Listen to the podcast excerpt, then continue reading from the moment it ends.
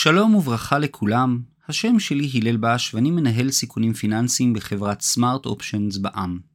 והיום אני רוצה לדבר איתכם על איך נחשפים לביטקוין. למרות הסיכון, אתם עדיין רוצים לקנות ביטקוין? תיזהרו מקרנות הסל. מי משקיע בביטקוין? מה תפקידם של המתווכים הפיננסיים בביטקוין? ומה מייחד קרנות סל על ביטקוין? האתגרים של משקיעי הביטקוין. מהמרים על ביטקוין. כתבתי בטורים הקודמים על היתרונות הטכנולוגיים והעסקיים של מנגנון הבלוקצ'יין, ועל פלטפורמת איתריום והפוטנציאל הענק הטמון שלה.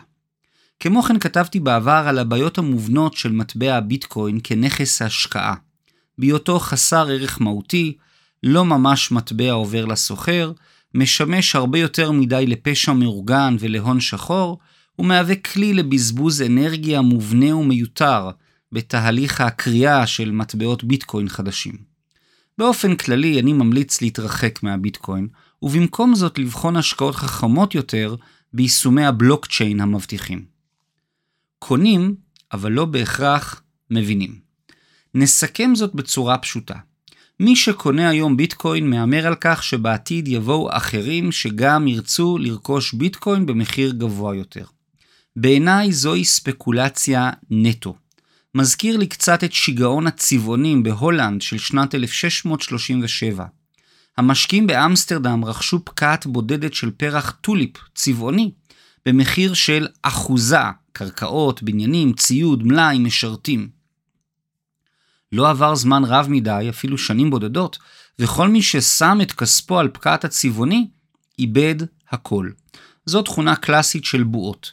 המשקיעים מאוד מתלהבים, בלי קשר לעובדות, המחיר עולה ועולה, ושהאחרון יסגור את האור.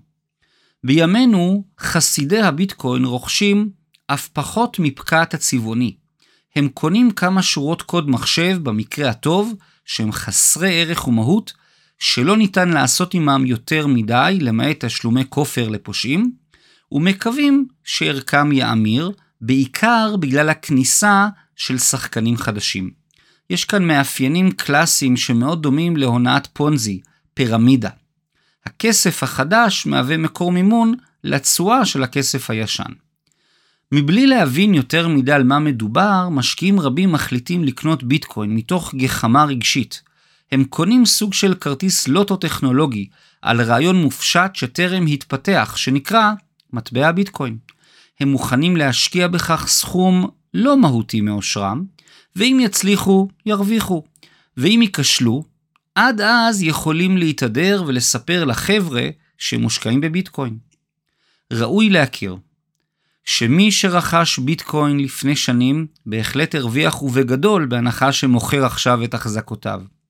אולם הסיכון הגלום בהשקעה הזאת מאוד משמעותי, ורואים זאת גם בניתוח הנתונים המהותיים, כמו מה עומד מאחורי הביטקוין, רמת השימוש בדבר הזה כמטבע עובר לסוחר וכולי, וגם בנתונים הכמותיים, רמת התנודתיות של הביטקוין אה, ופרמטרים אה, פיננסיים נוספים.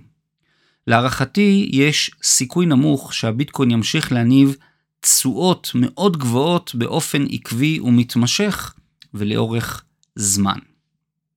מתווכים בביטקוין. כמו כן ראוי לחזור ולהזכיר כי רוב המשקיעים קצת מאותגרים ברכישת ביטקוין בצורה ישירה ולבצע רישום ממשי ברשת הבלוקצ'יין. ברמה המופשטת, אם אני רוצה לרכוש בצורה ישירה ביטקוין, אני צריך להוריד תוכנה יהודית ליצור איזשהו ארנק דיגיטלי, לרשום איזושהי פקודה דרך איזשהו ברוקר, לשמור איזו סיסמה אישית ואנונימית סופר חשובה. כי רק בעזרת הסיסמה הזאת אני אוכל לקבל את הגישה לביטקוין שלי. אם הסיסמה תאבד או תיגנב, כל ההשקעה בביטקוין יורדת לטמיון. מי שמחזיק בסיסמה, מחזיק בביטקוין. מסיבה זו, יש מתווכים רבים ומגוונים, שונים ומשונים, שישמחו לקנות ולשמור בעבור המשקיעים את הביטקוין. אולם פה קבור הכלב. בגלל שהביטקוין שמור במערכת אנונימית ומוגנת עם סיסמה אישית, יש יותר מדי הטיות שליליות לרעת המשקיעים, ואני אסביר. זירת המסחר, או כל שם מכובס אחר למתווכים פיננסיים לא מוסדרים בביטקוין, נתונות כל הזמן להתקפות סייבר מתוחכמות, שנועדו לגנוב את הסיסמאות ולקחת את מלאי הביטקוין המוחזק בידם. מפעם לפעם אנחנו שומעים בתקשורת על האקרים שמצליחים לגנוב את הסיסמאות ואת מלאי הביטקוין, ואז מתגלה עד כמה המשקיעים לא היו מוגנים בכלל. אף אחד לא מפצה אותם על כספם שנעלם. אבל כל זה במקרה הטוב, כי למרבה הצער במקרים רבים, מסתבר כי אחד מהמנהלים בזירת המסחר, או אחד העובדים הבכירים, לא עומד בפיתוי. הוא משתמש בסיסמאות ולוקח לעצמו את כל הכסף של המשקיעים. והאמת, אין כל כך מה לעשות נגדו. הוא נעלם בחו"ל, עם מספיק כסף לקנות אי קטן בדרום אמריקה, והמשקיעים נותרים עם הרבה הבטחות, ובעיקר חלומות שווא. לאחרונה משקיעים רבים מצאו מזור למצב הבעייתי שתיארתי, והחלו להשקיע בביטקוין במסגרת מסודרת של קרן סל שכירה. ראוי לחזור ולהבהיר כי מדובר בכל מקרה על השקעה ספקולטיבית מאוד מסוכנת, שמהווה הרבה יותר הימור רגשי מהשקעה אסטרטגית. יחד עם זאת, ראוי להכיר בכך שרבים וטובים מוצאים הנאה מסוימת משותפות במטבע הווירטואלי החדשני, עם כל חסרונותיו כמוצר השקעה. אז ראוי שנבין ונכיר את מנגנון ההשקעה הנפוץ על יתרונותיו וחסרונותיו. קרנות צה"ל ETF על ביטקוין. כאמור, בחודשים האחרונים החלו להיסחר בבורסות בארצות הברית קרנות צה"ל על המטבע הווירטואלי ביטקוין. הראשונה הגדולה והמוכרת ביניהם הינה קרן BITO, ביטו, של חברת הענק פרו-שיירס. קרנות אלו מאפשרות לכל המשקיעים להיחשף למחיר הביטקוין בכלי פיננסי מוכר ופשוט, ללא התעסקות עם זירות, מוסח... עם זירות מסחר או מתווכים פיננסיים שונים ומשונים ובעייתיים. כל זאת ללא פתיחת ארנק וירטואלי, בלי רישום מורכב בבלוקצ'יין, בלי סיבוך, קנייה פשוטה בבורסה. על פניו מדובר על פתרון נוח למשקיעים, שמאפשר להם להיחשף לביטקוין בלי כל הסכנות של האקרים, גנבים ומתווכים פיננסיים לא מקצועיים. הציבור לא נותר שאנן לקרנות הסל על הביטקוין, ויש זרם בלתי פוסק של השקעות בהיקף של מיליארדי דולרים ארצות הברית. הציבור בכללותו מצביע ברגליים ומעדיף קרנות סל בפיקוח הרשות ניירות ערך האמריקאי מכל מיני זירות מסחר מפוקפקות ומכל מיני מתווכים פיננסיים הפועלים לרוב ללא פיקוח ובקרה. איך עובדת קרן סל על ביטקוין? בגלל המבנה של מטבע ביטקוין, ובגלל החשש שמישהו יגנוב או יברח עם סיסמאות הביטקוין ועם הביטקוין עצמו, לקרן סל יש אתגר ממשי להיחשף ישירות למחיר הביטקוין. שהרי מה ימנע ממנהל הקרן ללכת ופשוט לגנוב את כל הכסף ושוב להיעלם אה, בחו"ל? הפתרון הפיננסי הינו קרן סל שערכה תלוי בנגזרים פיננסיים מעט מורכבים. במקרה הזה קרנות הסל על ביטקוין רוכשות חוזים עתידיים על מחיר הביטקוין בעתיד. חוזה עתידי הינה חוזה עם התחייבות בין מוכר לקונה אודות המחיר העתידי של נכס כלשהו. למשל, ניתן דוגמה דווקא מתחום החקלאות. חקלאי יכול לחתום על חוזה עתידי עם סופר גדול, לאספקה עתידית בעוד חודשיים, של מוצר חקלאי כמו תותים, במחיר קבוע וידוע מראש, נניח 15 ש"ח לקילו. כעבור חודשיים החקלאי חייב למסור את התותים, והסופר חייב לשלם את המחיר שנקבע. אם המחיר בשוק באותו עת יהיה מעל 15, אז הסופר הרוויח והחקלאי לצערי הרוויח פחות. אם הפוך, אם המחיר בשוק הוא 10 שקל לקילו, אז הסופר בעצם הפסיד והחקלאי הרוויח קצת יותר. כל זה בחקלאות, אבל יש גם חוזים עתידיים על ביטקוין. היינו באופן דומה, ישנו מסחר על נייר ערך מסוג חוזה עתידי על מחיר הביטקוין העתידי. קונים ומוכרים מס, מסכימים מראש על מחיר העתידי ונכנסים לחוזים מחייבים. חוזה עתידי על ביטקוין כוללת התחייבות מצד המוכר לספק כמות נקובה של ביטקוין במועד עתידי מוגדר ובמחיר שנקבע מראש. בהגיע העת, הקונה מתחייב לשלם עבור הביטקוין במחיר שנקבע מראש בין הצדדים. באופן כללי נסכם ונאמר כי חוזה עתידי הינו נייר ערך מורכב, הדורש ידע מקצועי וניסיון רב. כמו כן, נספר לכם ככה בגילוי, שחוזים עתידיים על ביטקוין הם לא בהכרח מבטאים בצורה ישירה, מלאה ומדויקת את מחיר השוק של הביטקוין. ולכן קרן סל המתבססת על חוזים עתידיים היא קצת בעייתית. היא לא סתם בעייתית, אלא אנחנו נאמר שהיא לטווח קצר בלבד. היינו קרן סל המתבססת על חוזים עתידיים באופן כללי, נועדה לשימושים לטווח קצר. קרן סל ETF על מחיר הביטקוין מתבסס כל כולו על חוזים עתידיים.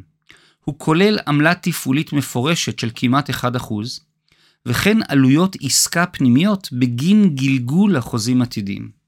השימוש בחוזים עתידיים יוצר עלויות מובנות, וכך יוצר פערים ממשיים בין התשואה שהמשקיעים מצפים לקבל, לפי מחיר השוק של הביטקוין, לבין התשואה בפועל במסגרת קרן הסל. עלויות אלו ידועות בתחום כ-carry costs, עלויות ההחזקה.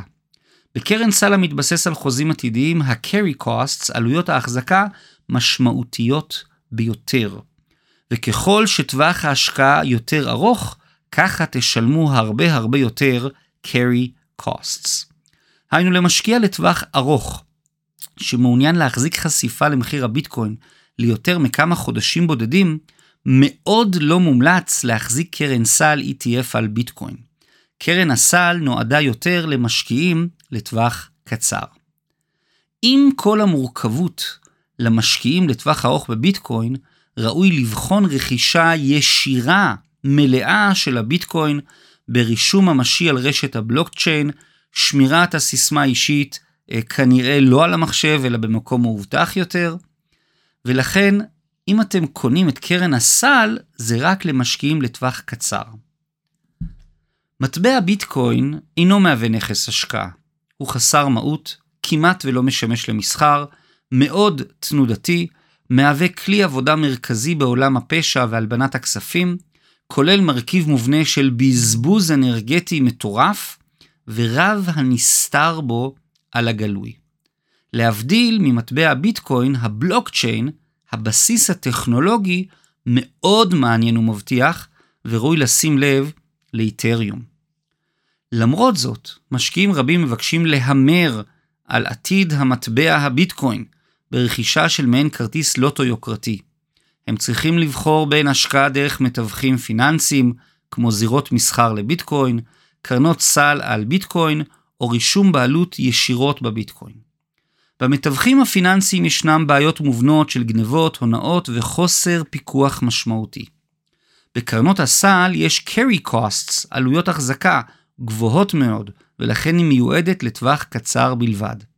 ברישום בעלות ישירה יש תהליך למידה של סביבת עבודה קצת מורכבת, אבל היא תדאג למנוע את השחיקה של הכסף שלכם בקרן הסל ומסכנות הגניבה, ההונאה וחוסר הפיקוח שבזירות המסחר והמתווכים הפיננסיים. לסיכום, אם אתם ממש רוצים לרכוש ביטקוין, תשקיעו בזה כמה דקות, תלמדו את המערכת ותרכשו ביטקוין בצורה ישירה ברישום בבלוקצ'יין ובסיסמה מאובטחת. השם שלי הלל בש, אני מאוד מודה לכם על הקשבה ומקווה לראותכם בפרק הבא. תודה רבה.